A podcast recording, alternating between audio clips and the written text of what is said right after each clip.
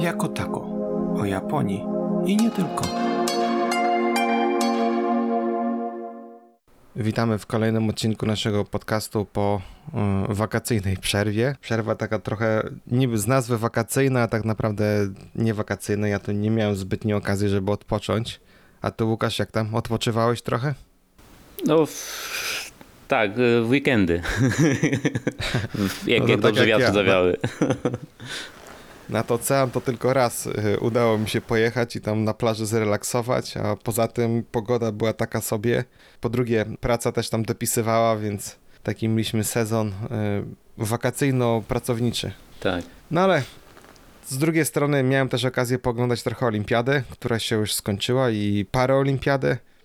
Obiecaliśmy, że zrobimy jakieś sprawozdania, ale to się okazało, że większość e, tych mm, miejsc, gdzie się odbywały różne zawody, było zupełnie odcięta.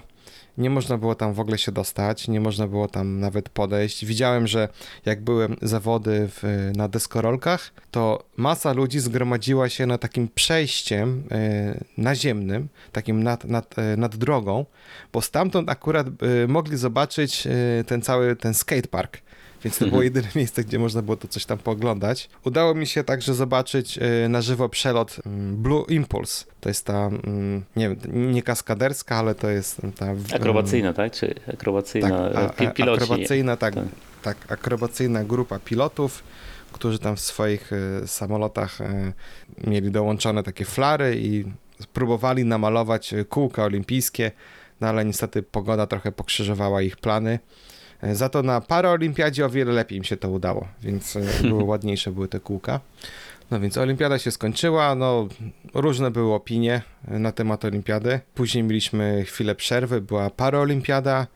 Mi osobiście paraolimpiada, rozpoczęcie i zakończenie mi się o wiele bardziej podobało niż normalnej olimpiady. Było bardziej ciekawe, bardziej kolorowe, takie z życiem, tak naprawdę coś się działo. Była też spora polska ekipa, więc no generalnie, no nie wiem, jakie masz Łukasz zdanie? No, udało się, tak? Wszystko, y, obie, y, oba, igrzyska, y, oba igrzyska odbyły się bez, bez problemów. Y, To, co było zaplanowane, y, udało się. Bez większych ekscesów, y, zakażeń. Tam mm, codziennie były oczywiście raporty na temat, ile tam y, sportowców i ile osób z y, obsługi zostało y, y, zakażonych. Natomiast to nie były jakieś takie straszne, straszne liczby. Y, Nie wpłynęło to na, na przebieg y, zawodów. No niestety, no, znaczy no tutaj z naszego punktu widzenia, no, no niestety to te, te, te igrzyska nie miały, nie, niczym się nie różniły od innych pod względem takim, że nie można było ani podejść, tak jak Marek już wspomniał. No to to było oglądanie tylko w telewizji i nawet to, że to było w Japonii, to czasami też niewiele nam to dawało, bo transmisje były albo późno wieczorem ze względu na różnicę czasu, tak żeby na przykład ludzie w Europie mogli jakoś to przynajmniej obejrzeć, czy w Stanach. Także nawet to, że to było tutaj u nas na miejscu, to czasami też trzeba było się trochę wysilić, żeby obejrzeć jakiś mecz, jak właśnie na przykład Polacy grali tak, e, e, czy, czy jakieś inne zawody odbywało się późno. E, Było też e, sporo takich narzekań od strony sportowców, to takie, to było dosyć poważne e, tutaj, jak to nazwać, przytyczek względem organizatorów.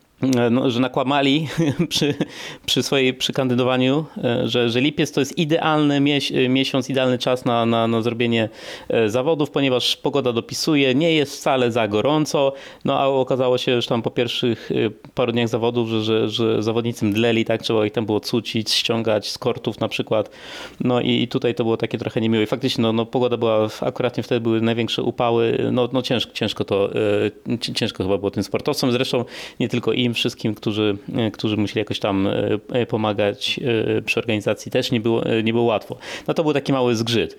No było też sporo tych takich śmiesznych sytuacji z tymi łóżkami, nie Marek, pamiętasz? Tak. to, łóżka antyseksowe, tak?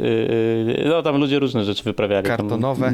Kar, kar, no, kartonowe łóżka, próbowali, patrzyli na ile one są wytrzymałe, ile, ile, osób może wejść na jedno łóżko, jakieś te, takie, takie tam sobie sportowcy, jak to się ładnie mówi, jaja robili w, sprawdzali to. A tak ciekawostka, te łóżka teraz wylądowały w szpitalach polowych. Widziałem, że w Osace on, po prostu te łóżka się przydały gdzie indziej. Także dla mnie ta idea z tymi łóżkami kartonowymi jak najbardziej, to jest całkiem, całkiem spoko, nie? E, Jednak to jest jakoś łatwiej wykorzystać, łatwiej to później gdzieś coś przeistoczyć, łatwiej to y, zrecyklingować. Także ogólnie idea bardzo fajna i wcale nie były takie słabe, jak się ludziom wydawało na początku. Trzeba było sporo ludzi i to mocno skakać po tych łóżkach, żeby jakąś tam dziurę w ogóle w nich zrobić. Zgadza się. I kontynuując y, różne emocje y, sportowe, to Japonia także miała zorganizować Mistrzostwa Świata chyba w piłce nożnej w grudniu, no ale odwołali grudniu? to, więc, więc tak. nie więc no, w szukają piłce nożnej to w Dubaju chyba, nie, w Katarze, w Katarze, tak? Nie, to co to miało być w grudniu w Japonii? Co to odwołali? Czekaj, Ja coś nie tam wiem. odwołali. Szczerze mówiąc nie wiem. Dobra, nie będziemy kłamać. E, W każdym razie e, wiem, że coś odwołano, bo obawiano się jednak e, nawrotu tej korony i tego delty, wirusa delty, który tutaj właśnie szaleje w Japonii i tutaj mieliśmy teraz tą piątą falę. No ale się okazuje, że teraz już ta piąta fala e, powoli, powoli zanika. E, Wczoraj, czyli to mm, było 14 września, dzisiaj mamy 15 liczba nowych przypadków w samym Tokio e, spadła porównując do poprzedniego dnia o, o prawie e, 200 osób. E, Było tylko 1000 e, nowych przypadków. No, a w, w całym kraju, no to no jednak to jest ten wynik ciągle się tam e, dosyć wysoko e, trzyma, ponad te 10 tysięcy. E, W różnych prefekturach też tam, mm, w niektórych się tam bardziej uspokaja, no ale najgorzej to jest chyba w Osace i tam bardziej w południowych, południowych częściach Japonii. No i coraz więcej jest także niestety śmiertelnych przypadków wśród osób młodszych, młodszych, czyli tych e, poniżej 40 roku życia, więc no teraz COVID zbiera żniwa także wśród młodych, no ale to może tylko dlatego, że wszyscy starsi w Japonii zostali zaszczepieni. Tak, tak, tak. E, tak. Tam ponad 50, o, 50% chyba społeczeństwa całego została już e, jednokrotnie co najmniej zaszczepiona. Wszyscy powyżej 65 plus dwukrotnie zostali zaszczepieni. No i ci najmłodsi teraz no, pozostali bez ochrony, no i są najbardziej zagrożeni. Mhm. Więc ta y, delta, delta tutaj daje czadu. W szpitale ciągle tutaj mm, także narzekają, że są przepełnione, że nie mają wystarczającej y, ilości miejsc, ale także i obsługi. Tutaj mm, także było, mm, była w dyskusja właśnie tutaj w Kanagale, że y, u nich z kolei y, mają miejsca, no ale nie mają obsługi ani specjalistycznego sprzętu, żeby się opiekować tymi y, osobami. Tam y, był też przypadek, że y, była kobieta w ciąży, która już tam niemalże dziecko już było gotowe do, do narodzin i też tam był wielki problem, bo y, chyba nie wiem, czy w końcu udało się uratować dziecko. Chyba się właśnie- udało uratować. nie, nie, nie udało się, nie udało nie? się, właśnie zmarło. Nie i to udało było, się. Tak, tak, tak. To, no, to był ten problem właśnie, że się nie udało uratować dziecka. Bo po prostu karetka nie przyjechała na czas, y, bo, bo powiedzieli, że oni zbierają tylko ludzi z COVID-em y, i nie było jakichś wolnych miejsc, nie było wolnych karetek, coś tam. No i niestety skończyło się jak się skończyło. No niestety, więc są też takie no, przypadki, które hm, dają do myślenia, nie? Bo niby tutaj COVID, no ale no od COVID-a zależne, prawda? Tak, tak, tak. tak. No ale z takich pozytywnych e, wiadomości, no to podano tutaj najnowsze statystyki, że w Japonii jest ponad 86,5 tysiąca e, osób, które ma więcej niż 100 lat. E, Obecnie najstarszą e, kobietą, która jest wpisana do Księgi Rekordów Guinnessa jest pani e, Tanaka, 118-let, e, 118-letnia e, rezydentka Fukuoki, a najstarszym panem jest pan Ueda, 111-latek z Nary. No i co ciekawe, pani Tanaka urodziła się w 1903 roku, czyli w tym samym roku, gdzie bracia Wright odbyli swój pierwszy lot No nie? samolotem.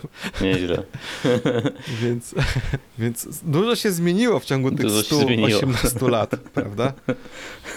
Co ciekawe, właśnie e, prawie ponad e, 88% tych wszystkich osób, no to 76 tysięcy, e, ponad 76 tysięcy osób to są e, kobiety, a tylko 10 tysięcy to są mężczyźni. E, A co ciekawe, mm, wzrosła liczba tych stulatków o ponad 6 tysięcy, porównując do, e, do poprzedniego lata. E, Więc no, hmm, długowieczność w Japonii ciągle silna. No, rozwija się.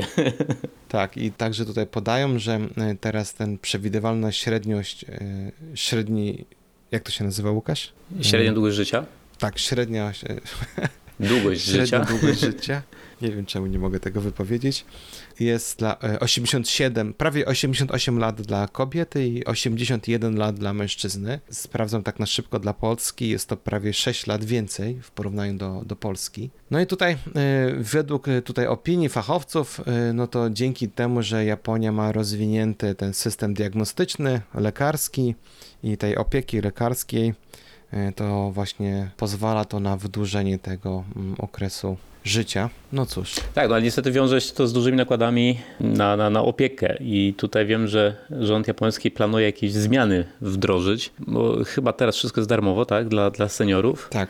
No a to się wiąże z tym, że, że, że inni dostają po kieszeniach, tak? I, i- tutaj coś, wiem, że są jakieś tam już podchody, żeby chyba dla, e, dla seniorów 75 plus mm, jakoś ograniczyć tą, te, ten dostęp darmowy do, do opieki zdrowotnej. Znaczy, oczywiście nie chodzi tutaj o ograniczenie leczenia, tylko o to, żeby na przykład osoby takie nie chodziły sobie do, mm, e, do szpitala czy też do lekarza, żeby pogadać, bo takich wypadków jest naprawdę dużo, czyli nic się nie dzieje, tak? Nie są e, chorzy, nie potrzebują opieki żadnej, natomiast idą, bo wyszukują sobie jakieś choroby, czy, czy sobie wmawiają, że coś mają, tylko po to, żeby porozmawiać sobie z, panem doktorem, panią doktor, z pielęgniarkami albo z innymi jeszcze ludźmi- gdzieś tam w izbie przyjęć. No niestety takich przypadków jest faktycznie dużo. No wiadomo, no, Japonia się starzeje, tak? To są takie pozytywne, znaczy ilość e, stolatków może cieszyć, tak? Są jakieś rekordy, natomiast no, to znaczy też wiele osób samotnych i to są, to są inne problemy, które jakby mm, jeden problem rodzi drugi problem, tak? Taka reakcja e, ciekawa. No i tutaj nie wiadomo jeszcze, jak Japonia sobie z tym wszystkim poradzi. Natomiast no, nakłady na służby zdrowia są, są nie- niesamowite w Japonii. E, No i chcą jakoś tutaj e, przyjrzeć się temu od środka, jak to można zmienić. Ja też tak się zażartowałem. Ciekawy, ile z tych stulatków jeszcze jeździ na taksówkach, nie? Jako kierowcy. O, pewnie, pewnie jakiś się znalazłby, nie? No, no raczej tak. Bo druga tutaj mniej przyjemna y, sytuacja y, była tutaj parę lat temu, że no wtedy jeszcze 80 ile 8 chyba latek, teraz już 90 kilku latek. Była taka akcja, że y, jadąc y, swoim y, hybrydowym samochodem po mieście, on twierdzi, że się zablokował pedał gazu, rozpędził się do prawie 100 km na godzinę w mieście i bez żadnego hamowania wimpetem potrącił na przejściu mamę z córką, tam kilkanaście innych osób, no i wjechał prosto w sklep i tam się samochód zatrzymał, y, jeszcze uderzając po drodze chyba w śmieciarkę, jak dobrze pamiętam. Y, No i niestety mama z tą córką zginęły na, y, na przejściu dla pieszych. No i tutaj była wielka dyskusja, taka publiczna, no bo on był tam prawie 90-letni. Na początku to wysz, wyszło tak, przy pierwszym, przy pierwszej rozprawie, że w zasadzie za te zabójstwo tych dwóch osób, no to w zasadzie nic mu nie zrobią. Potem y, ten mąż y, y, zrobił tą całą kampanię i tam były odwołania różne. Chyba w zeszłym tygodniu zapadł ostateczny wyrok, że dostał 5 lat więzienia. Czyli właśnie do... Tak, tak, tak, skazali go. No. Tak, czyli prawie do, do, swojego, do swoich stuletnich urodzin. Jeżeli tyle dożyje, to tyle spędzi, to, to ostatnie, ostatnie lata spędzi w więzieniu. Mhm. No i y, teraz był też kolejny przypadek, tutaj dwa dni temu, też taksówkarz, y, 80-paroletni, no ale no tutaj akurat no niestety y, dostał wylewu, także taksówka uderzyła w drzewo, no kierowca no przez to, że miał wylew, no to niestety także zmarł. No ale potrącił także y, 70-paroletnią kobietę, która szła y, chodnikiem i ona też zginęła. Więc no generalnie w Japonii więcej wypadków popełniają osoby starsze niż osoby młodsze. Tak jak na przykład w Europie jest odwrotnie, prawda, że jak są osoby młodsze, to mają zwyżkę za mm, ubezpieczenia. Tutaj w Japonii z kolei więcej wypadków no, motoryzacyjnych to jest właśnie spowodowane przez osoby 65+. Plus. Tak, tak, tak, dokładnie. No, jest takich wypadków jest naprawdę sporo, szczególnie właśnie taksu, e, taksówkarzy. Były przypadki, gdzie taksówka na przykład e, spadła z e, wiaduktu pod tory, pod tory pociągu nadjeżdżającego. No jest, jest niestety dużo jest takich przypadków z udziałem starszych kierowców. No a to wszystko się wiąże z tym, że, że młodzi nie garną się do tego, do tego zawodu. Już są nawet pierwsze przypadki, gdzie, gdzie taksówkarzami zostają osoby z zagranicy. Między innymi jakaś jedna nasza Polka też chyba, nie? Z tego, co kiedyś tam chyba na kiedyś o tym Tak, wspominaliśmy. tam chyba nawet wspominaliśmy. Nie wiem, czy jest czynną, czy jest czynną taksówkarką, e, ale, ale jest e, e, pani Polka, która jeździ na taksówce. Albo przynajmniej, która ma licencję. Tak, która ma licencję. Ja też nie wiem, czy ona jeździ, no ale na pewno jeździła przez chwilę, no bo była w telewizji, więc y, tak. Tak, tak, Jako tak. pierwsza tam chyba obco, kobieta, obcokrajowiec zrobiła licencję na, na taką normalną, czarną taksówkę, czy taką korporacyjną. No ale teraz y, zmieniamy temat. Przyleciał samolot z Afganistanu. Japońskie siły samoobrony wysłały tam kilka samolotów, żeby tam prawie 500 osób ewakuować z Afganistanu i to nie tylko Japończyków, ale także tam współpracowników. No i pierwszy samolot y, to tylko z jedną osobą wrócił, kolejny y, wrócił y, tam z, chyba z, z 10 osobami. Miało być tam więcej, no ale podobno tam 14 czy 14 osób, nie wiem czy to były kobiety czy mężczyźni. W każdym razie e, 14 osób niby e, poleciało do Ameryki zamiast do Japonii, a e, e, 10 tych osób e, tutaj przyle, przyleciało do, do Japonii i było właśnie nagranie na lotnisku, jak oni wylądowali, przechodzili tam przez te bramki, tylko tam nogi były nagrane i spodnie jeansowe i kamerzysta odprowadził ich do taksówki, więc e, tak się zastanawiam, jaki tutaj sekret e, z tego można zrobić. Kto chciał, to pewnie by tam ich e, zobaczył. W każdym razie, no, robi się też ciekawe, co dalej z nimi będzie, e, z tymi osobami, no bo mają niby statut e, uchodźcy, no jak wiadomo, już chyba nawet kiedyś o tym wspominaliśmy, Japończycy dosyć niechętnie przyjmują uchodźców. E, Tam w poprzednich latach to przyjmowano chyba na, na 100 czy na 200 tych wniosków, to przyjmowano to chyba tylko dwa lub, lub nawet jeden. Tak, tak, tak, tak. Kiedyś tak. nawet wspominaliśmy, że e, byli jacyś tam emigranci chyba z Iraku, e, którzy tutaj przyjechali i skończyło się to tak, że gdy po tych pierwszych trzech miesiącach, gdzie musieli iść na obowiązkowe kursy języka japońskiego, dostawali jakąś tam minimalną pensję od rządu i mieszkanie oczywiście takie komunalne, za które tam nie płacili.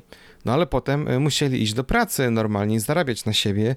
No i tutaj było mm, wielkie e, zdarzenie z rzeczywistością, że jednak ta pensja tych 15 manów, no to w zasadzie tutaj nie wystarczy no, na jakieś swobodne życie, bo tutaj może oglądali się tego, jak tutaj Mercedesami się jeździ, czy tam najnowszymi Toyotami, a to się okazuje, że to jest jednak no nie tak kolorowo i ten jeden emigrant, widziałem z nim wywiad, e, narzekał, że no Japonia, no tutaj kazali mu pracować, on tu chciał rodzinę ściągać i jakiś ten, no i niestety w takim razie on wylatuje i, i jedzie do Niemiec. Więc no Japonia nie jest najlepszym miejscem dla... Mm, No nie ma, nie ma letko. tak, no. nie ma lekko, trzeba pracować, y, trzeba na siebie y, zarabiać.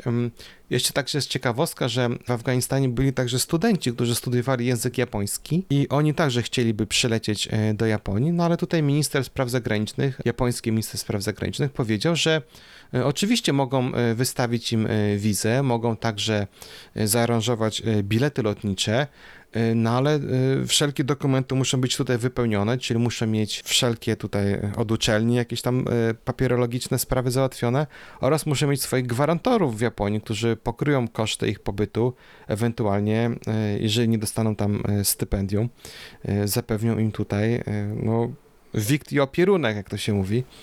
No i chyba nikt Tak. się nie zdecydował jednak na taki przyjazd. No zobaczymy, jak to będzie. No ale no Japonia pod tym względem jest dosyć, dosyć tak, Tak, no to jest, czasami to jest ciekawe, nie? że Japonia jakby tutaj w Japonii nie ma, nie ma wyjątków, tak? Zawsze wszystko jest tak jak, no nie, nie robią wyjątków, nie, nie podchodzą do spraw indywidualnie. Zawsze wszystko jest y, rozpatrywane wedle tego, tych już ustalonych jakichś reguł i tak dalej, i tak dalej, nie? To jest, to jest takie tutaj no, ciekawe podejście. Tutaj nie ma, nie ma odstępstw, y, nie ma jakiegoś podejścia indywidualnego. Kiedyś też był przypadek mm, taki dosyć y, znany i to nawet wiele środowisk się wstawiło za, za tymi osobami, ale pani powiedziała, nie, takie ruru, tak, ruru są, są przypisy i tak dalej. Chodziło o y, rodzinę, która mieszkała chyba nielegalnie, albo przynajmniej część, y, ojciec chyba był z Filipin, żona Japonka i on nie miał stałego obywatelstwa, znaczy w ogóle jakiejś wizy nie miał, ale jakoś tam udało mu się tam gdzieś cichaczem tutaj przeżyć. No ale y, no, urodziła się córka, normalnie córeczka, córka chodziła, zaliczała jakieś tam przedszkole i tak dalej, tak dalej, poszła do szkoły i w końcu jakoś się stało, że ktoś coś odkrył, że coś jest nie tak. Już nie pamiętam dokładnie, jak, jak ta historia wyglądała. No, na tym, że ona ogólnie, ta, ta, ta dziewczynka, tak, razem z tym ojcem, no oni nie mają pozwolenia na pobyt w Japonii, no i trzeba, muszą wracać do Filipin, tak, na, na Filipiny. No chodzi o to, że ta dziewczynka, ona, no, ona nawet nie co są te Filipiny, tak, nie, nie zna języka, nie zna ludzi, dla niej jedynym krajem y, i ojczyzną to jest, to jest Japonia, no ale przy, przepisy, tak, no, no, no sorry, no nie masz pozwolenia, do tego jeszcze, y, no to było tam wiadomo, na nielegalu, e, bo to nie tylko, że nie miał pozwolenia, ale ojciec oczywiście się ukrywał, tak, i dopiero wyszło to po, po iluś tam latach, no i y, nie wiem, jak tam się skończyło, bo to naprawdę to była dosyć, taka dosyć spora afera, bo wiele jakichś, tak jak wspominałem, środowisk się wstawiło za nimi, żeby jednak już w tym wypadku no to nie, nie, nie wysyłać ich do domu, ale Japończycy twardo stali, mm, stali em, przy swoim zdaniu, że, że, że no takie, takie jest prawo i to, to, to nie, nie można do tego podchodzić indywidualnie, że, że ktoś y, jest tutaj tylko w Japonii i cały czas, no to, to, nie, to już go nie można odsyłać, nie? Szczerze mówiąc, nie, nie wiem jak to się skończyło, ale no, pamiętam, że to było takie no dosyć, y, do, dosyć no, duża sprawa z, y, z, z, tą, z tą rodziną. No z tego co ja pamiętam, to chyba jednak e, musieli polecieć na, na Filipiny. Nie mogli zostać w Japonii. Zostali chyba deportowani. Tak, tak. Chyba tak, chyba tak. No ale i co ciekawe, to, to, to nie tylko, że to jakaś rodzina gdzieś tam, nie ukrywa się, ale y, częściowo oni byli na leg- legalnie, znaczy legalnie, no y, żona y, była Japonką, tak? Czyli, czyli jednak był jakiś obywatel japoński, ale mimo to druga, druga połówka nie miała jakiegoś tam statusu odpowiedniego, no i, i się tutaj zaczęły robić problemy. Także no naprawdę jak ktoś przyjeżdża do Japonii, to y, nie ma tej taryfy ulgowej, że coś będzie nie tak, że jakiś przypadek będzie inaczej rozpatrywany, na chorą córkę tutaj nie działa, y, także no tutaj trzeba uważać. Zgadza się, no tutaj prawo jest prawo, no i szczególnie jeśli chodzi o obcokrajowców, to jest bardzo mocno egzekwowane. E, No to tyle jeśli chodzi o chodców. Zmieniamy temat. Ale tak, tylko No. jeszcze powiem, miałem ostatnio przyjemność pierwszy raz po iluś tam nastu latach w Japonii, y, policjant mnie zatrzymał. O, a co się No. stało? A, no nie będę mówił głośno. Znaczy nie, no, y, miałem ten, y, y, żarówka mi się spaliła w rowerze, tak? O kurna. No, jechałem, czyli bez światła jechałem. E, Mało tego, e, on mnie mijał, on jechał z naprzeciwka, mnie mijał, nie? Ja sobie pojechałem. E, No, ja jeszcze słuchałem muzyki sobie wracałem z domu no, dla, dla relaksu. No to Okazało panie. się potem, że gościu, że gościu gonił mnie chyba przez 300 metrów, a ja nie słyszałem. On, on chyba krzyczał na domu, że mnie się z- zatrzymywał, a ja to tam, no nie ukrywam, dosyć szybko jeżdżę rowerem. E, Dopiero jak się zatrzymałem na, na skrzyżowaniu, to mnie ścignął. To cię nie mógł dogonić. Złap- No nie mógł mnie dogonić. On też rowerem jechał? Tak, tak, tak, on na rowerze był, tak, tak, tak. Także e, ścigał mnie rowerem. No, także z- zatrzymał mnie ten policjant, ale to całkiem, całkiem fajne doświadczenie to było.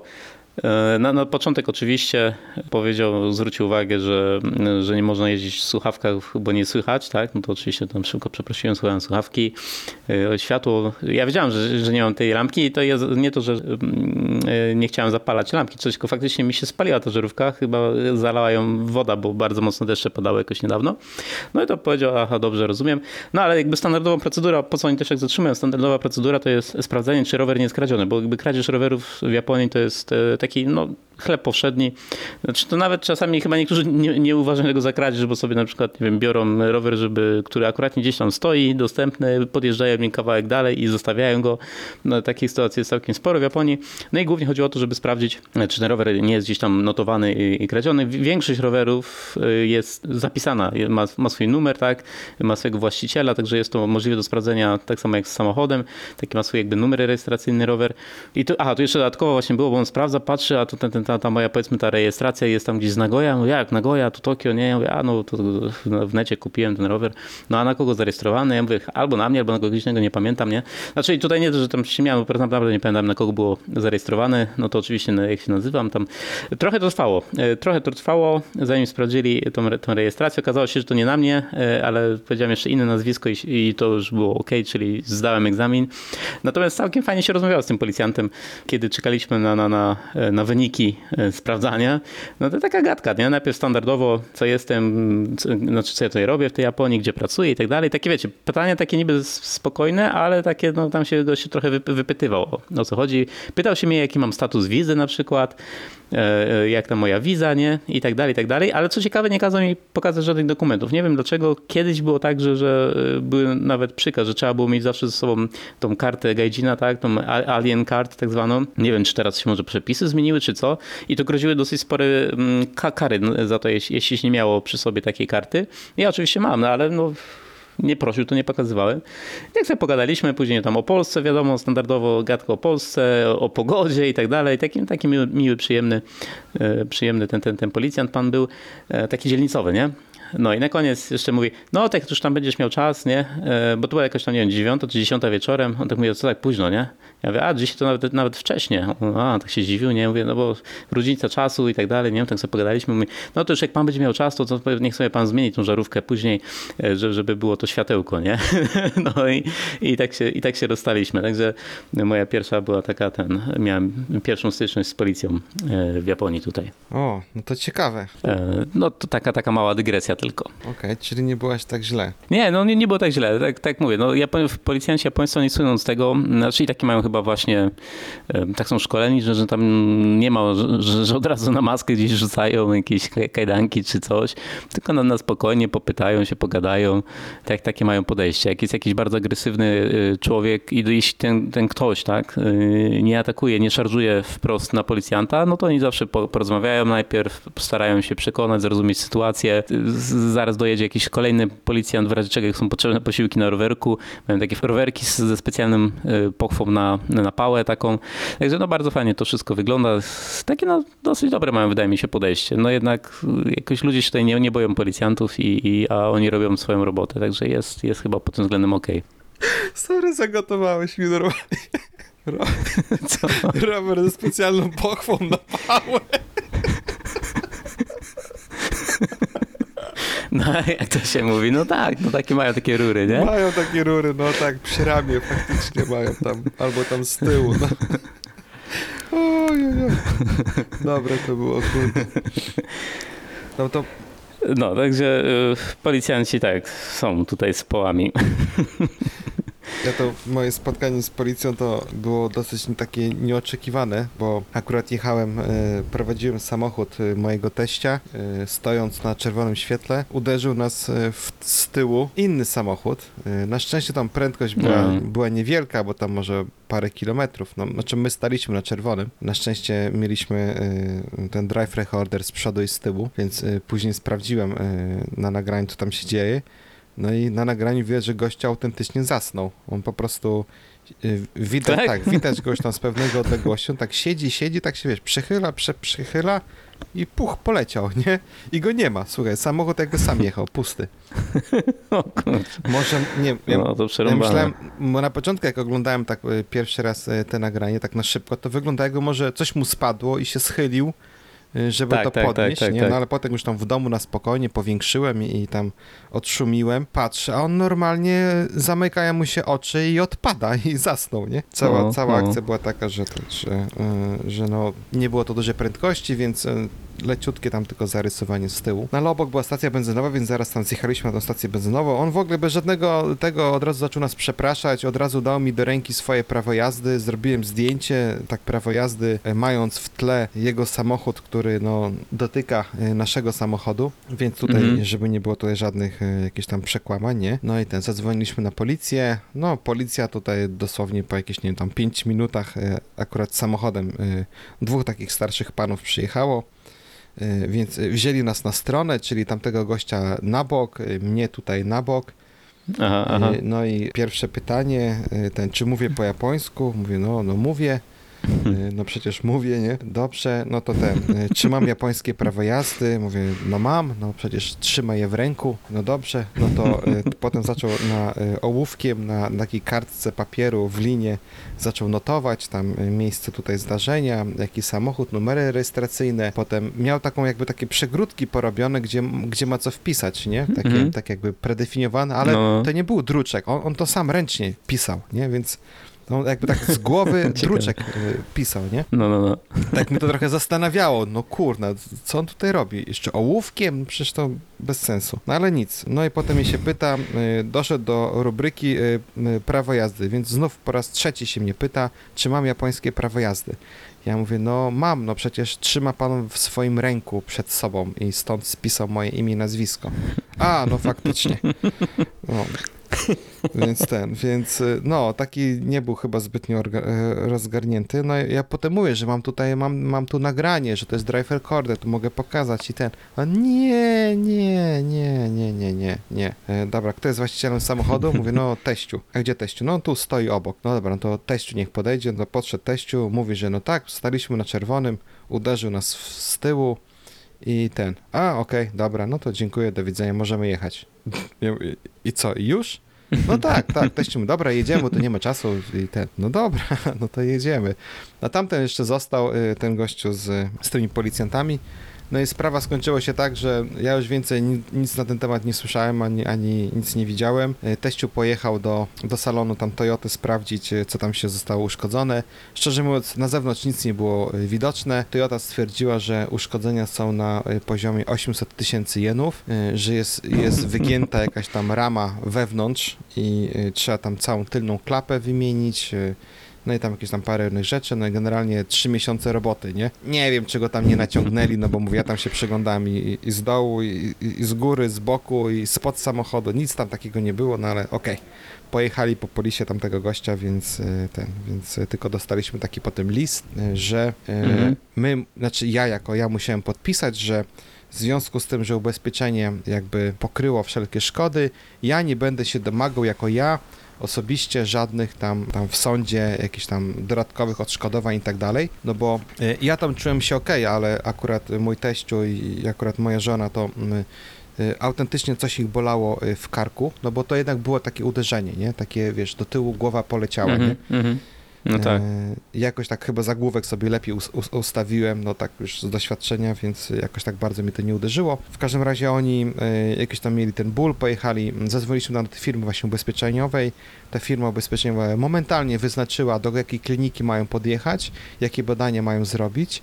Jak już pojechali do tej kliniki, no to już tam e, na nich normalnie lekarz czekał. Zrobili im tam e, te prześwietlenie i tam chyba ten tomografię i no nic tam nie wyszło, nie?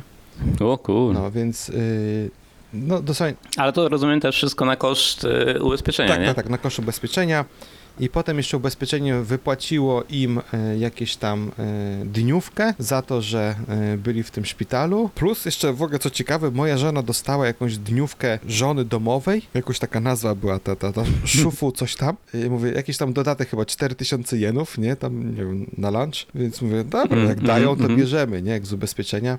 No jasne. No, i, a najlepsze w tym wszystko jest to, że ani ja, ani teściu nie straciliśmy żadnych ulg ubezpieczeniowych, bo to jednak wina była tamtego gościa, bo staliśmy na czerwonym świetle. No Mhm. ale też y, jak czytałem potem w sieci, to są takie przypadki, że czasami policjanci rozdzielają tą winę, nie? I masz taką akcję, Tak, tak, bo w Japonii jest ten system y, Tak, procentowy, procentowy. nie? Kto ile procent zawinił, nie? No. jakby czasami może być tak, że na przykład stałeś na parkingu, ktoś ciebie wjechał i nagle jak dobrze, dobrze ma tam wygadane jest, a jak ty na przykład nie mówisz dobrze po japońsku, no to tak może przedstawić sytuację Mhm. policjantowi, że oni zrobią, że na przykład masz 50 na 50 albo 80 na 20 i nagle 20% winy jest twoje, a od 20% obcinają ci ubezpieczenie. Tak, tak, tak. No i ten, y, no, mieliśmy takiego kolegę, y, Radka, którego pozdrawiamy. On to miał takie przypadki, że w niego babcie wjeżdżały na, y, jak stał na parkingu przy sklepie, bo tam taki były sklep spożywczy, gdzie osoby starsze robiły zakupy i przyjeżdżały tymi swoimi samochodami. No i notorycznie w niego uderzały różne babcie. I on tam miał chyba trzy, chyba czy cztery wypadki miesięcznie. Znaczy kolizje, nie? Więc ten, więc no i, i za każdym Tak, tak, razem tak. y, on, on no, dostawał ileś tam procent, nie? Z tych wypadków, no bo mógł tu nie zaparkować, bo mógł przecież y, coś tam, takie, takie uzasadnienia były w ogóle śmieszne, nie? Więc, y, no, więc on strasznie się wkurzył, no, chyba nawet na końcu zrezygnował z samochodu, bo, bo zbyt, zbyt dużego to nerwów i, i, i tutaj go to wszystko kosztowało, więc no, trzeba uważać. Uff, zaczęliśmy o, o motoryzacji mówić, no. No i tu podobna sytuacja właśnie z... Tak, tak, tak, ale podobna sytuacja z tymi babciami może być taka, y, że, po prostu komuś się nudzi, nie? Wiecie, no to jest... Specjalnie tak robią, nie? żeby jakaś akcja jest, tak? Coś się dzieje, ktoś przyjedzie, przyjedzie pan policjant, porozmawia sobie, y, tu jakiś y, pan gajdźin jest, to sobie też porozmawiają. No niestety takie to są często takie właśnie wymuszone sytuacje i to mnie wcale nie dziwi, y, że to mogło być no specjalnie, tak? Że, że ktoś tam specjalnie sobie coś tam tak zrobił, puknął, bo, bo coś się będzie działo i jakaś ta, ta jesień życia nabierze kolorów e, dla, dla, danej, dla danej osoby, nie? Także no, no, no tutaj... Ta plaga e, tych osób starszych, które dzwonią do e, na przykład na te numery awaryjne i mówią, że pożar, pożar, pali się tutaj w kuchni, a wiadomo, że straż pożarna tutaj w Japonii to jest pierwsza na, na wszelkie wezwania, więc e, tutaj chłopaki przyjechali tam po, po dwóch minutach, no i ten, no się okazało, że e, babcia no tam e, wodę gotowała, e, no ale w zasadzie to nie było żadnego pożaru, więc tylko wodę gotowała. No jak ci tam wpadli do środka, gdzie ten pożar, tutaj co się dzieje, a babcia mówi, że nie, ona tutaj wyłączyła tą wodę. No ale jak już tutaj panowie jesteście, no to może byście mi tutaj ten garnek zdjęli z tej górnej półki, bo ona nie może dosięgnąć. I akurat tutaj ciasteczka ma, a co tam w ogóle u was słychać, a was też tutaj nie widziałam. No i zaczyna, wiesz, y, tutaj po prostu konwersację prowadzić i próbuje tutaj jakoś ich tam zatrzymać. No ale no, wezwanie zupełnie bez sensu, nie? Tak, to była cała plaga taka Tak, i tak, już tak, nie tak. pamiętam w, y, w której prefekturze, ale to gdzieś podali statystyki, że średnio chyba co, co piąte wezwanie, czy, czy y, jakoś tak, co piąte wezwanie było właśnie przez osoby starsze, a przez to czas dojazdu karetki wydłużał się chyba o pół godziny, tak e, generalnie, e, więc Mhm, zupełna mhm. strata czasu, nie? No, no. no niestety jest, a i to też do, próbują jakoś z tym walczyć i nie tylko, że jakoś rząd, ale również fi- fi- firmy, przedsiębiorcy, tak, firmy prywatne i teraz popularne, znaczy no czy popularne to jeszcze może za szybko powiedziane, ale e, próbują to podejść od tej strony, że, że e, sta- stawiają roboty do domów osób samotnych. To są roboty takie humanoidalne albo, albo czasami nawet w ogóle nie, tylko chodzi o to, że ma- mają oczy najczęściej i gadają. I że po prostu taka osoba sobie gada z tym robotem e, i wtedy już nie czuje się jakoś tak samotna. Ten, ten robot wiadomo, ma tam, tam działa jakaś tam sztuczna inteligencja na tyle, na, o, o ile no i jakieś tam proste konwersacje sobie mogą e, robić. E, Oczywiście taki robot też ma e, opcję połączenia na przykład z rodziną, tak jakby coś, co, coś się działo, czy, czy jakby ta osoba wyraziła taką chęć, że, że chce porozmawiać z córką, z synem, no to, to taki może zestawić też połączenie.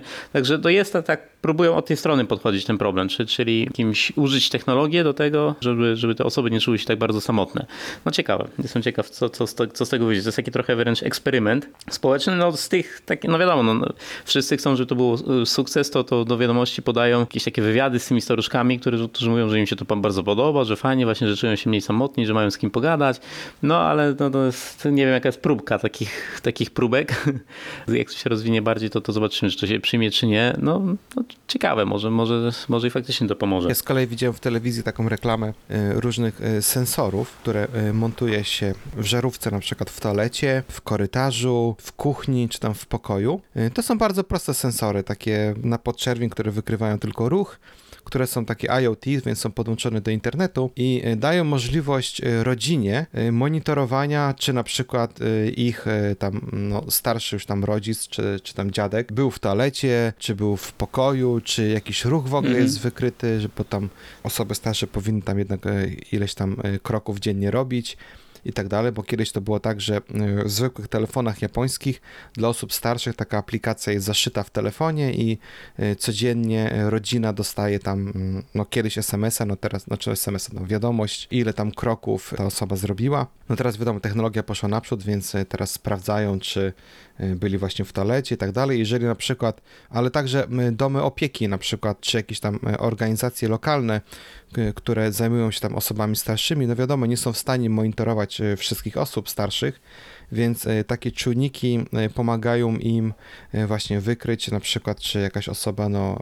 nie daj Boże, zmarła w domu no i nie ma ruchu od dłuższego czasu, więc raz, dwa jakiś tam pracownik socjalny podejdzie, zobaczy, co tam się dzieje. No bo też teraz mamy ponad 100 tysięcy osób, które są na kwarantannie w domu, bo nie ma miejsca w szpitalu i tu była wiadomość, że prawie 800 osób zmarło w domu, a e, tu taki najbardziej taki chyba straszny przypadek to był tej, e, było małżeństwo i akurat e, oboje byli na kwarantannie, ale mieszkali w domu, gdzieś tam na wsi. No i mąż spadł z drabiny, bo coś tam próbował chyba liście wyczyścić w rynnie, jak dobrze pamiętam, i złamał nogę, więc karetka go zabrała do szpitala. no ale ponieważ tam był na kwarantannie, więc trafił do tego covidowego, więc tam nie było z nim kontaktu, e, a żona była w domu, e, została sama, no i e, nie wiem, czy ona się wywróciła, że coś tam także się stało, e, no i skończyło się tak, że zmarła, no i niestety dopiero po kilku dniach ją tam znaleziono, nie? I no, są też takie przypadki, nie? No. Że no niestety, jeżeli nie ma nikogo w okolicach, nikt tam nie sprawdza, to wiele osób zupełnie umiera w samotności i nawet e, nie są odkryci, że, że coś tam im się stało, więc te, takie czujniki mają Tak, znaczy sens. to, to, to, to te przypadki to są one nie tylko związane z COVID-em oczywiście, tak? No, jeszcze no, na długo przed COVID-em, jakieś tak zwane samotne śmierci w Japonii, to, no, to jest też kolejny yy, problem społeczny, tylko że oczywiście w, przed COVID-em to wynikało bardziej no, osoby samotne, tak? które gdzieś no, zmarły z, przyczyn naturalnych, częściej lub z powodu innych chorób. Tych przypadków było mniej, no teraz na to się nałożył jeszcze COVID, no to faktycznie tych przypadków jest, jest, jest yy, dużo, dużo więcej. Okej, to zmieniamy teraz temat, bo się trochę zrobiło Okej. grobowo. A propos, y, tak, ciągle pamiętamy, że obiecaliśmy wam y, o japońskich cmentarzach y, odcinek, więc zrobimy na ten temat. Tak. Grobowo. No to może już tak w rejonach Halloweena zajmiemy się A tak, tematem. nie? możemy To- zrobić. Halloween się To jest zbliża. dosyć ciekawy temat. E, Dobra, zmieniamy teraz właśnie temat na e, trochę inny, więc pod koniec tutaj września, no jeszcze przed Halloweenem odbędą się wybory, no właśnie nie wiem, parlamentarne, gdzie będą wybierać e, nowego premiera, bo to Nie, to jest na Partii, przewodniczącego, na przy- wybory partii, tak, przewodniczącego partii, a że przewodniczący partii z automatu jest premierem, no to to są bardzo ważne, bardzo tak, ważne więc można wybory. powiedzieć, że są wybory na premiera. E, Bo obecny premier, no właśnie tutaj troszeczkę, ja mam takie wrażenie, bo to też oglądałem różne programy tam publicystyczne, że trochę go tak wystawili. Y, bo on, to ten premier Suga przejął, y, gdy y, premier Abe niby tam został chory i y, miał tam jakieś problemy zdrowotne, a tak naprawdę tutaj zaczęła się pandemia, zaczęły się wielkie problemy, więc w, w trudnym momencie odszedł y, na zacisze, więc y, nominowano tutaj y, premiera Sugę. No ten tutaj y, ostro działał. Z takich pozytywnych rzeczy, no to udało mu się obniżyć jedne z najdroższych abonamentów y, telefonicznych na świecie. Y, Trochę przycisnął tych wielkich dostawców i więc y, zrobiło się taniej, jeśli chodzi o dostęp do internetu i, i telefonii komórkowej. Z drugiej strony także walczył z, z biurokracją. Udało się także przyspieszyć parę różnych tam spraw y, związanych z mm, właśnie z Hanko elektronicznym, żeby już tych pieczątek tam nie przestawiać, bo przecież tam w koronie też, tak jak Łukasz nawet sam wspominał, musi jeździć do biura tylko po to, żeby pieczątkę przestawić na jakiejś tam fakturze, czy tam jakiejś tam umowie, więc Tak, w tak. ogóle bez sensu, więc jakaś tam digitalizacja niby nastąpiła, trochę się tam także pozmieniało, mają tam robić jakieś takie e, ogólne, rządowe systemy, żeby wszystkie prefektury miały ujednolicone i tak dalej, i tak dalej, więc jakieś tam pozytywne zmiany były. No negatywne y, o nim informacje to były takie, że no nie daje rady tutaj, że, że zdecydował się jednak na tą olimpiadę, że niby tutaj tylko wyłącznie po pieniądze, że ta pandemia się jednak y, nie została tak szybko y, zażegnana, że nie było szczepionek na czas, no i ciągle ich nie ma i tak dalej, i tak dalej, więc było dużo plusów, minusów, więc no na samym końcu zostało tak, że stracił zupełnie poparcie wśród, właśnie on jest chyba nawet bezpartyjny, tak mi się wydaje, nie? On chyba nie- jest nie, nie, no, partyjny? nie, nie, nie, no jest, nie, nie może być bezpartyjny. Jest. Tak, tutaj tak, właśnie, tak. a nie, czekaj, bo ja może to źle zrozumia- zrozumiałem. To chyba chodziło o to, że teraz żadna partia go nie popiera. Jakoś tak, że on został taki bezpartyjny w takim sensie, że nikt go nie wspiera dalej. A znaczy są Tak, pa- tak, tak. partie wewnątrz partii, chodzi o te tak zwane ugrupowania, nie? Czyli jakby wewnątrz partii, własnej partii nie, nie należy do żadnej, e, do żadnego, jak to na nas się nazywa, kliki e, i nikt go nie chce pop- poprzeć we, we, wewnątrz własnej partii. A, o to właśnie chodziło. Dlatego takie... Jeśli, jeśli o tym o tym mówimy, bo Tak, tak, akurat nie,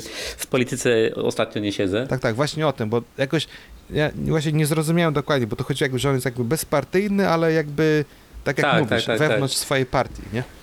E, Więc, e, tak, Mhm. więc to ma sens. No i, no i dlatego no, podaje się jakby do dymisji, no, czy do dymisji. No, nie będzie kandydował o, o reelekcję, po prostu to wygaśnie. Tak, no nikt go nie poprze, nie? Tak. Nie, nie? Nie będzie miał poparcia, czyli nie ma sensu nawet kandydować. Więc, więc jakby wygaśnie jego y, mandat no, urzędowo z automatu. No ale tutaj zaczynają się teraz rozgrywki w tle, kto będzie następny. Więc no tu się różne, różne rzeczy się tam dzieją. Kandydują także po raz pierwszy dwie kobiety. No i więc tutaj się pojawiają takie newsy, czy urodziła się pierwsza kobieta premier, więc y, no, no ciekawe, ciekawe. No, są tutaj jakieś tam mocne kandydatki. Jedna z nich to jest ta pani y, Takaichi, która jest tam y, prawą ręką y, premiera Abe, która podobno jest jeszcze bardziej taka, nie wiem, nacjonalistyczna, czy no jakoś tak, jak to nazwać, no bardziej taka... No, lubi, lubi wizyty w świątyni.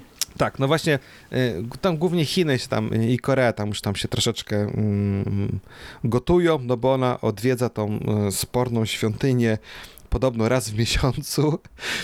No to jest lekka przeginka, no tam były premier Abe odwiedza tam raz w roku, jak była ta rocznica, Hmm. no ona tutaj podobno co miesiąc, no i tam strasznie podgrzewa tym z, y, właśnie atmosferę u sąsiadów, tych, tych większych, więc y, no też też czytałem różne opinie, że jednak jak ona by została premierem, to jest duża szansa, że Japonia bardziej się jakby oddzieli od, y, od reszty świata. No to wśród tych No to, to nie byłoby fajne. no to nie byłoby fajne. Jest także druga kobieta, ale szczerze mówiąc, ja nawet ani razu nie widziałem z nią wywiadu w telewizji, więc ciekawe, czy nie zrezygnuje niedługo. No ale y, moim zdaniem takim najbardziej ciekawym kandydatem to jest pan y, Taro Kono. To jest najmłodszy z nich wszystkich, bo 58-latek. Cała reszta ekipy to jest 60+. Plus i, Podkreślamy najmłodszy. tak, najmłodszy. najmłodszy. tak, tak, tak, jeszcze ten gołowąs, tak, 58-letni, uni, e, skończył uniwersytet w Więc zakładamy, że płynnie mówi po angielsku, chociaż to różnie może być, no ale wydaje mi się, że tak, że, że mówi dobrze po angielsku. I on został przez e, premiera Sugę oddelegowany do zarządzania e, szczepionkami i e, całym jakby planem tutaj szczepień w Japonii, więc no on tutaj dał radę, więc miał ten ambitny plan tych milion szczepień y, miesięcznie, y, przepraszam, dziennie, nie miesięcznie, tylko dziennie, Tak, tak. więc y, no tam, tak jak wcześniej tam także opowiadaliśmy w innych odcinkach, no tam różnie to było z tymi szczepieniami, powoli był stan, start był bardzo powolny, no ale no udało mi się jednak osiągnąć ten, ten cel, uruchamiając tam armię i y, policję i wszelkie inne zasoby dostępne, łącznie z dentystami, no ale no te szczepienia jakoś tam idą, no ale no nie ma szczepionek, no to ten problem ciągle zostaje y, nierozwiązany, no ale udało się te 50% społeczeństwa po raz ten pierwszy zaszczepić, więc no jakiś tam sukces ma i on tak się właśnie przedstawia jako osoba, która no jak powierzone mu zadania spełnia. Tak, tak, tak po wojskowemu. Stawia też na, na młodych. E, Mówisz, że powinno więcej osób młodych powinno być zaangażowanych, y, czy to w, sektorze prywatnym, tak, y, czy to w politycznym. Także no, no ciekawa, ciekawa figura. No, wiąże się z nim też, y, to jest taki trochę powiedzmy przyjaciel y, Polski. Jest, y, pan Kono zaliczył y, pewien y, taki etap w życiu również w Polsce. Studiował na SGH w 1984 roku, według, tak podaje Wikipedia.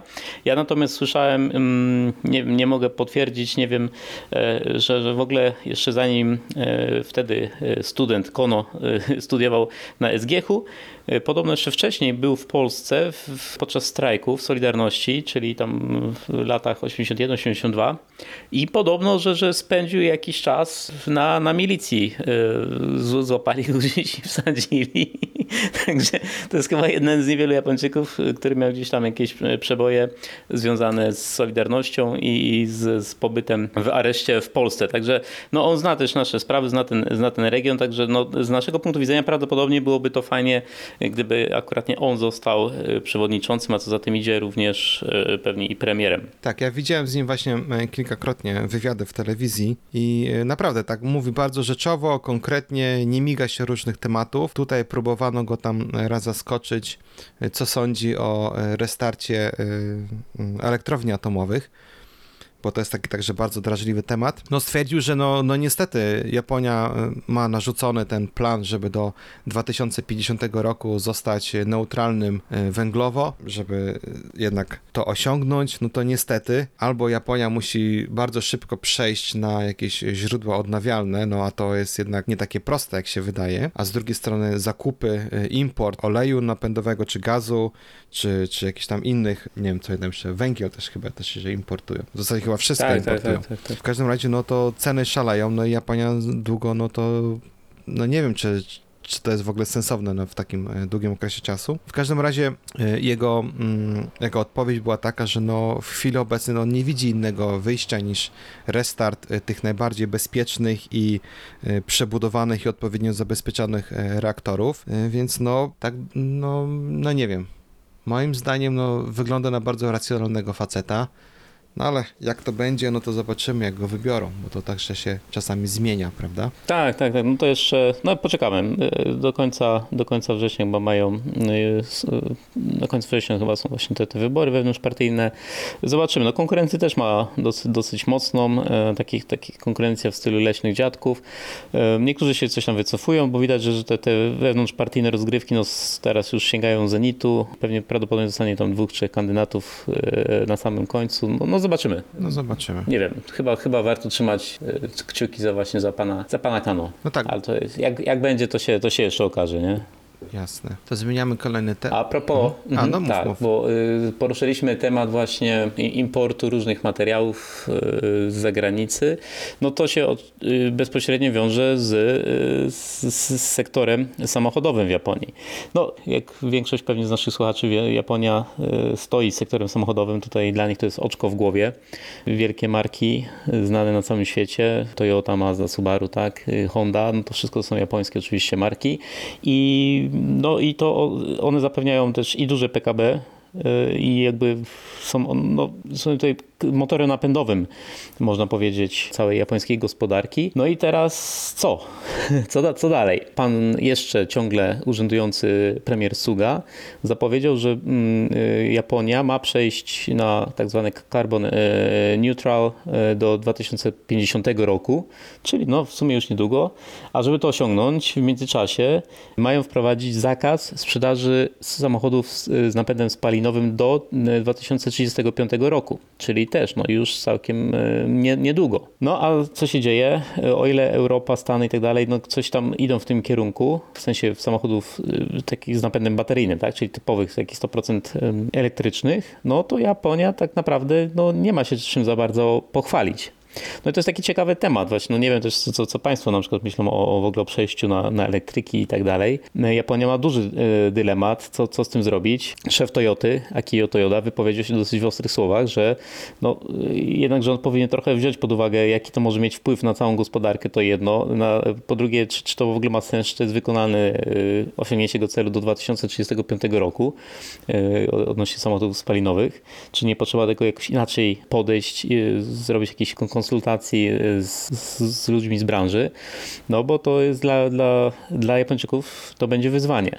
Jak wiemy, Japończycy zainwestowali mocno w hybrydy i tu, tu się zgadza, głównie to Japonia stoi hybrydami, wszystko fajnie, no ale hybryda to ciągle jest też napęd spalinowy, tak, mają napęd spalinowy. Natomiast czyste, czy, czyste samochody, znaczy czyste w sensie 100% em, elektryki, no to tym może się pochwalić tylko Nissan ze swoim już dosyć leciwym Leafem. Honda z takim maluteńkim takim fiacikiem, znaczy fiacikiem oczywiście w, w domyśle, w, w, odnośnie kształtów i, i, i rozmiarów e, Honda E. Bardzo fajne, ładnie to wygląda, no e, taki mm, 100% mm, samochód e, elektryczny, ale no sprzedażowo to to się w ogóle tutaj nie rozwija. Mam tutaj jakie ciekawe, e, znaczy, czy ciekawe to, to nie wiem, zależy kto, kto, kto się, jak na to patrzeć. Mm, Jak Państwo myślą, ile sprzedaje się samochodów elektrycznych w Japonii? Miesięcznie jest to około 1200. Miesięcznie 1200, gdzie w całej Polsce jest chyba zarejestrowanych do tej pory 1000 właśnie ileś samochodów. Także, y, a te 1200 samochodów miesięcznie to jest tylko 0,7% sprzeda- y, wszystkich y, sprzedanych samochodów w danym miesiącu. W Japonii średnio się sprzedaje na miesiąc sie- 170 tysięcy samochodów. No to właśnie jest łatwo policzyć. Tak? Jeśli to jest tam 1200 samochodów, no to jest to bardzo, e, e, bardzo niewiele. I nic nie wskazuje na to, żeby, e, żeby te, te liczby się zwiększyły. Więc faktycznie koncerny samochodowe stoją teraz pod dużym znakiem, znaczy pod dużym problemem, co z tym zrobić. Czy, czy przechodzimy, nagle rzucamy wszystko, idziemy w baterię. To jest tylko jedna strona jakby tutaj całego zagadnienia, bo oczywiście y, cały, wie, duża część produkcji japońskiej idzie na eksport, y, gdzie Europa ma już jeszcze bardziej restrykcyjne wymagania i bardziej ambitne cele. I jeśli na przykład Japończycy faktycznie nie zdołają się przełą- przełączyć na, bardziej na napęd taki elektryczny, no to eksport też stanie. Nie, nie tylko, że nie będą mogli sprzedawać w najbliższym czasie w Japonii, ale również eksport y, na tym mocno ucierpi. Także no to ciekawe czasy na- na- nastały tutaj, jak cały ten, ten przemysł pójdzie, w którą, którą stronę wybiorą. Ale oczywiście, jak to Japonia, są tutaj małe wyłomy, małe, małe kruczki, bo mm, ta cała elektryfikacja to tak naprawdę nie zakazuje, przynajmniej, no to jeszcze wiadomo, to nie, nie, nie jest jeszcze wszystko wyryte w kamieniu, Natomiast ja też sobie jak myślałem, kurczę, jak to do 2030 w ogóle zakaz silników spalinowych, przecież to już, to już zaraz, tak? Jak, jak to w ogóle się stanie? A tu się okazuje, że, że elektryfikacja, tak tłumacząc z japońskiego, to nie, nie chodzi o to, żeby wszystko, wszystkie samochody nagle były elektrykami, ale muszą mieć jakiś cokolwiek, y, jakiś ten napęd musi być albo hybrydowy, albo jakiś might hybryda. Nawet jeśli to jest might, hybryd, might hybryda, to i tak podobno już coś tam przejdzie, jakieś tam e, te certyfikacje. Także no tu jest ten wyłom, ale nawet y, pod względem y, takich hybryd mild, tak, to na przykład Mazda czy coś, to też są jeszcze w, w lesie. No i tutaj nie wiadomo, jak to się wszystko, jak to się wszystko mm, e, potoczy. Nie wiem, Marko, co ty myślisz o, na ten temat? Jak tam u ciebie z samochodami elektrycznymi? E, Jeździłbyś czy nie?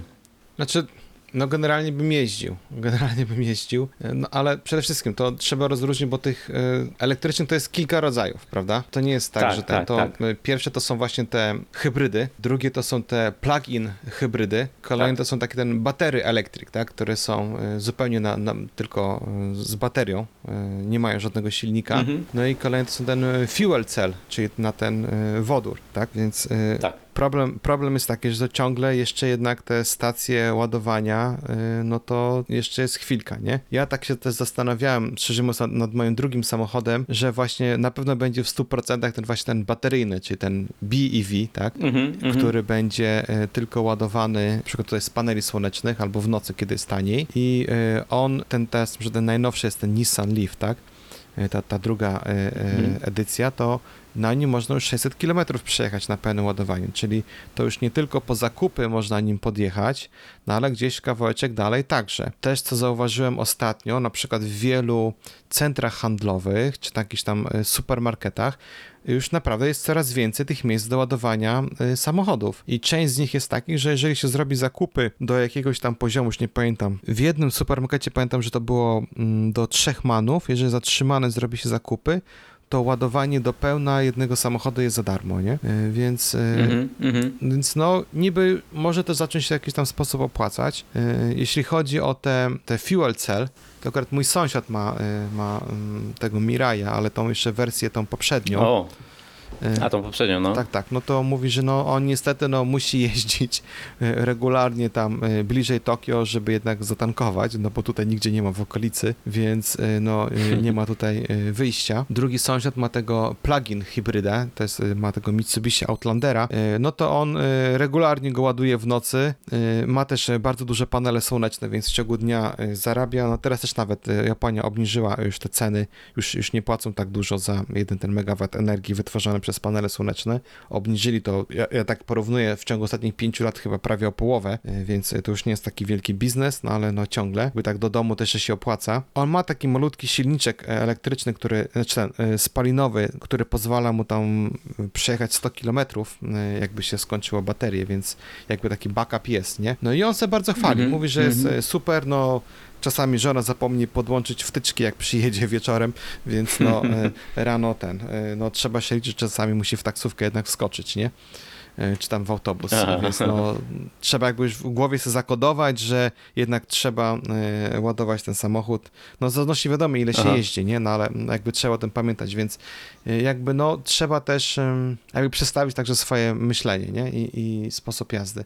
Ja osobiście też teraz mam hybrydę, czyli ten najbardziej popularny samochód w Japonii. Właśnie to jest e, hybrydowy, no i tutaj wiadomo, tutaj Toyota e, rządzi, więc e, ja naprawdę, no porównując do mojego, no nie ukrywam, zawsze jakieś tam sportowe samochody, no to tak, zużywa o wiele mniej paliwa i jeżeli chodzi o sprawność, no to tak, w trybie sport, no ta hybryda daje radę, więc ja tutaj nie narzekam. Faktycznie, jeśli porównuję teraz moje opłaty do, do, pali, do paliwowego tak w ciągu roku, to może nie połowę, no ale tak myślę, że tak około 40% mniej e, płacę, więc jakieś takie mm, mhm. odczuwalne jest, jest e, to w tym budżecie domowym, nie? Do tego są jeszcze zniżki tak zwane e- ekologiczne chyba, nie? Czyli jest mniejszy podatek za hybrydę A tak. i jakieś są jeszcze jakieś takie, takie rzeczy, nie? Tak, kupując samochód, to też chyba zrobimy o tym inny odcinek o, o kupnie samochodu. Generalnie tak, rząd dopłaca do, jakby no, ma takie dotacje do e, różnych e, samochodów i e, oczywiście najwięcej dopłaca do tych w chwili obecnej, do tych właśnie tych fuel cell, tych, tych wodorowych,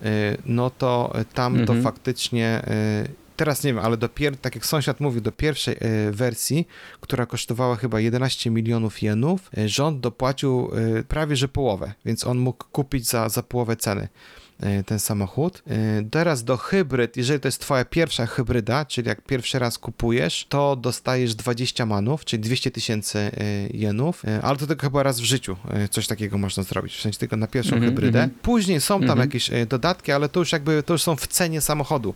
To e, kiedy się dostanie fakturę, znaczy ofertę, to e, widać, że tam jest na przykład tam 5 czy tam 6 manów e, jako właśnie e, z rządu, a czasami to też w zależności od dealera, czasami ten dealer to traktuje jako swój zysk, tak, bo mogą to zrobić co chcą z tym. Tak, tak, tak. Więc e, czasami dają ci na przykład, nie wiem, tam bilety do Disneylandu, które tam kosztują powiedzmy, nie wiem, tam 20 tysięcy jenów, a tak naprawdę dostali z rządu 80 tysięcy, czyli ciągle są 60 tysięcy do przodu, nie? Więc e, to też trzeba e, o, o tym pomyśleć.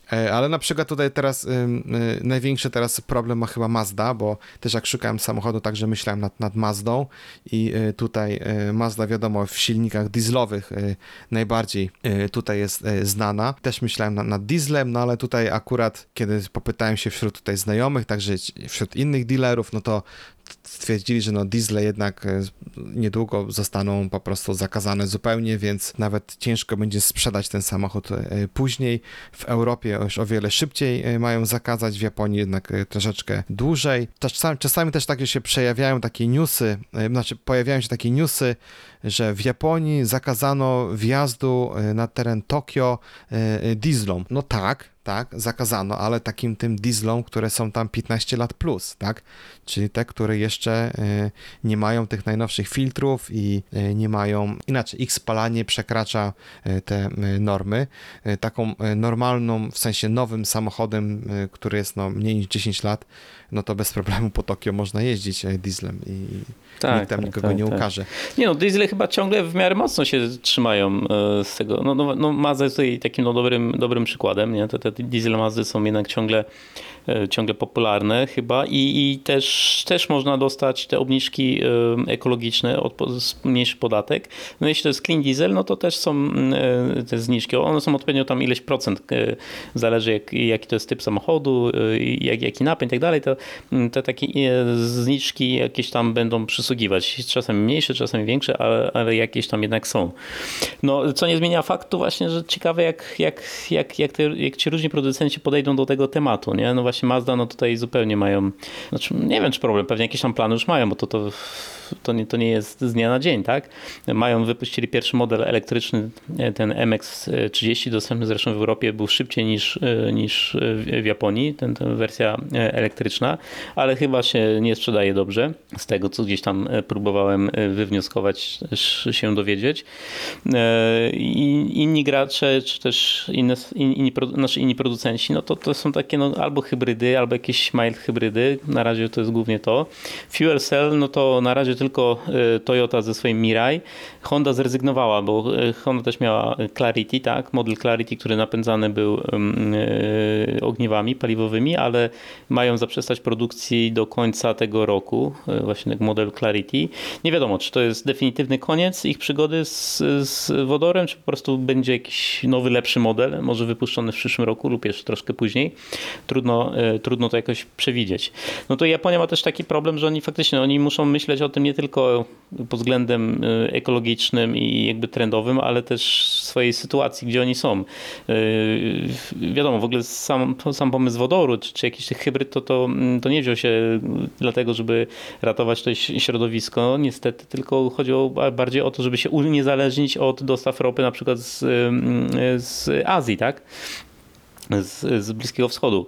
I, I teraz tutaj tak samo muszą myśleć w takim kierunku, no bo przejdą tylko na baterie, na kto jest producentem ba- baterii? Znaczy producentem to oni, wiadomo, Panasonic i tak dalej przodują w tym, natomiast y, y, materiały potrzebne do produkcji baterii, większość pochodzi z, z Chin, czyli metale ziem rzadkich tak zwane. No i tutaj też jest kolejny problem, tak? No bo dobra, przerzucimy się na e, baterie, ale jak Chiny przykręcą kurka, no to co? Wszystko staje, tak? Produkcja staje, nie ma samochodów i tak dalej. No jest to e, taki problem. Dlatego prawdopodobnie w Toyota chodzi o to, żeby się zdywersyfikować i robią trochę tego, trochę tego, wchodzą w ten wodór.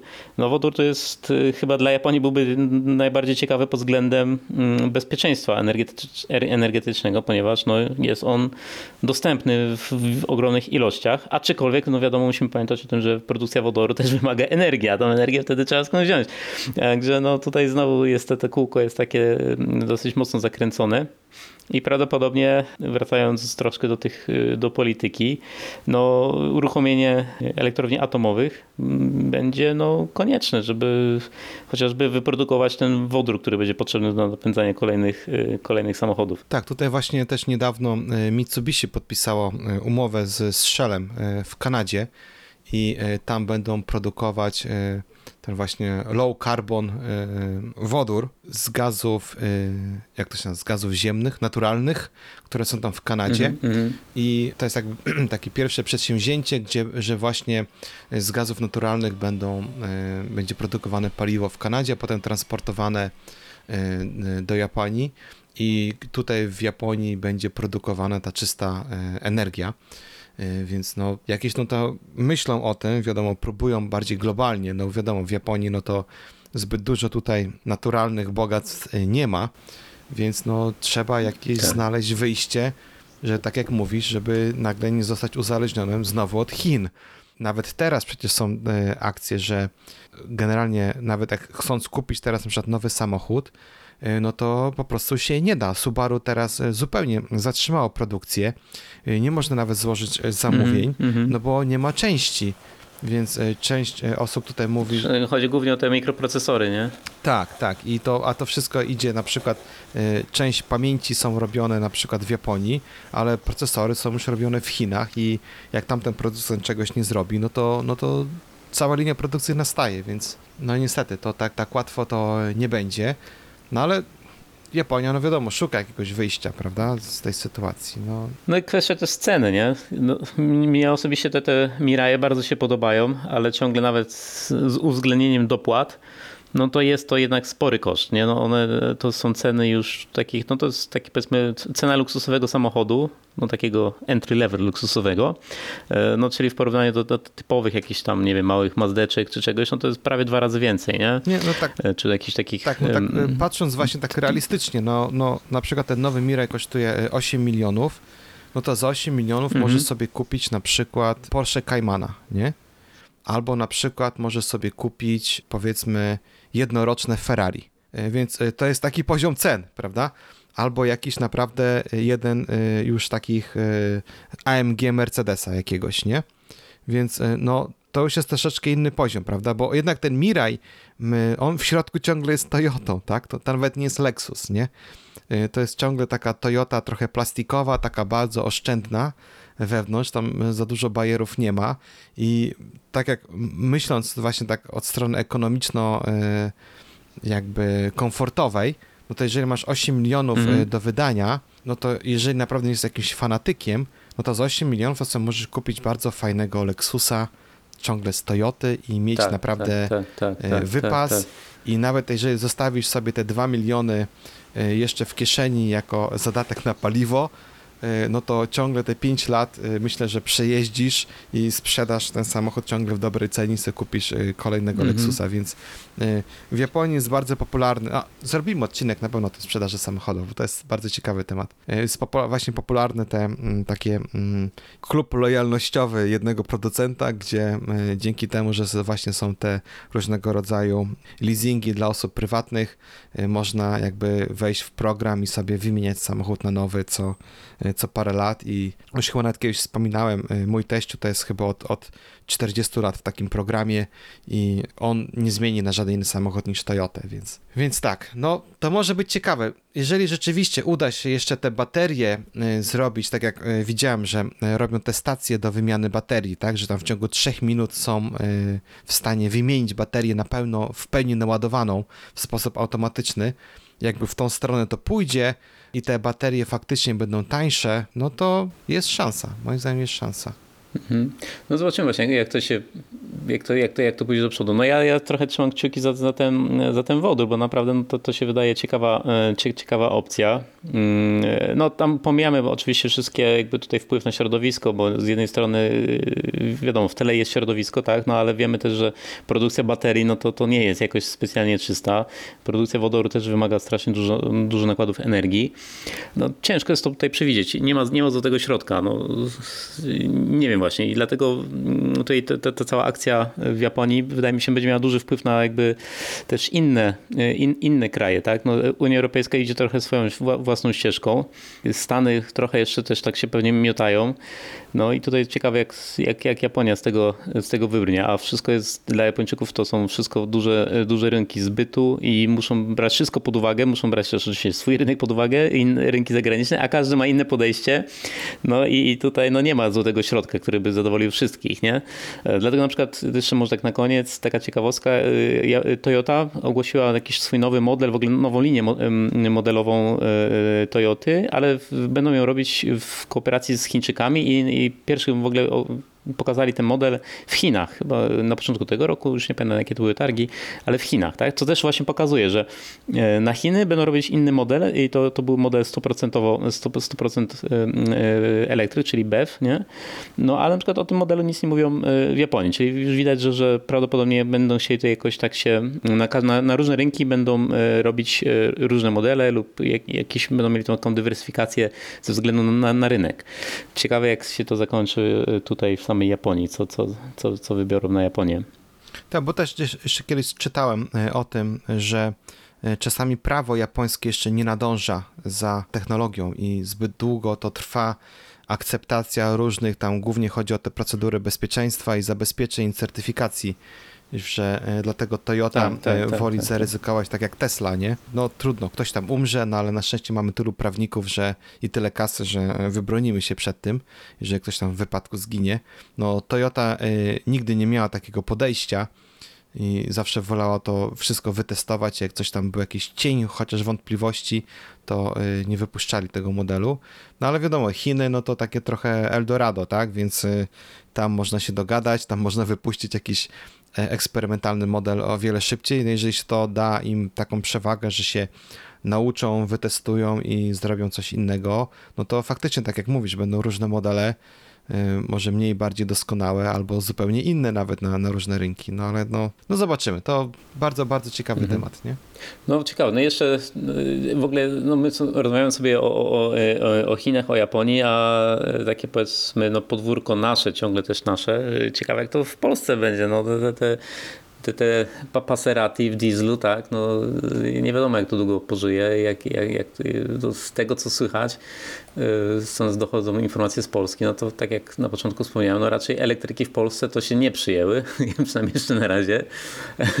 Ogniwa paliwowe raczej też nie, a, a, a kiedyś będą musiały chyba i ciekawe jak, jak co, co tutaj, jak, jak od strony polskiej też to wszystko będzie wyglądać, nie? Jak, jak, jak ludzie to przyjmą, czy dalej będą ściągać samochody z Niemiec, yy, od Niemca, tak? To mnie też bardzo ciekawi, jak, jak, to, jak to u nas będzie w Polsce.